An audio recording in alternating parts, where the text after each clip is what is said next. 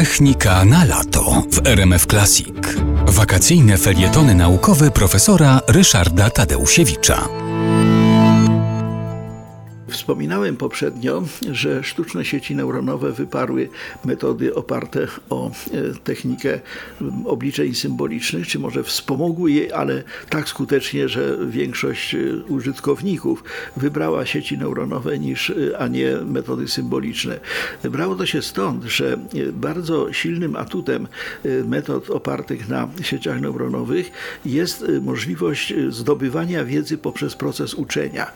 Sieć neuronowa jest narzędziem, e, które potrafi zdobyć wiedzę i właściwie samo, samodzielnie nauczyć się pewnych umiejętności, które są potrzebne, e, na zasadzie tego, że ogląda pewne przykłady i na podstawie tych przykładów sama buduje sobie metodę, dzięki której inne podobne przykłady mogą być rozwiązywane. Jest to wobec tego zdobywanie wiedzy i uogólnianie wiedzy. E, My w rozumowaniu generalnie możemy mówić o dedukcjach albo indukcjach. Dedukcja to jest podejście, które reprezentował Sherlock Holmes, polegające na tym, że mamy jakąś ogólną regułę, stykamy się z jakimś konkretnym przykładem, konkretnym przypadkiem, konkretnym morderstwem e, i e, znając tą ogólną regułę na podstawie wnioskowania, rozumowania właśnie takiego e, no, dedukcyjnego, jesteśmy w stanie odpowiedzieć na pytanie przykładowo, kto zabił. Natomiast indukcja to jest pójście w drugą stronę.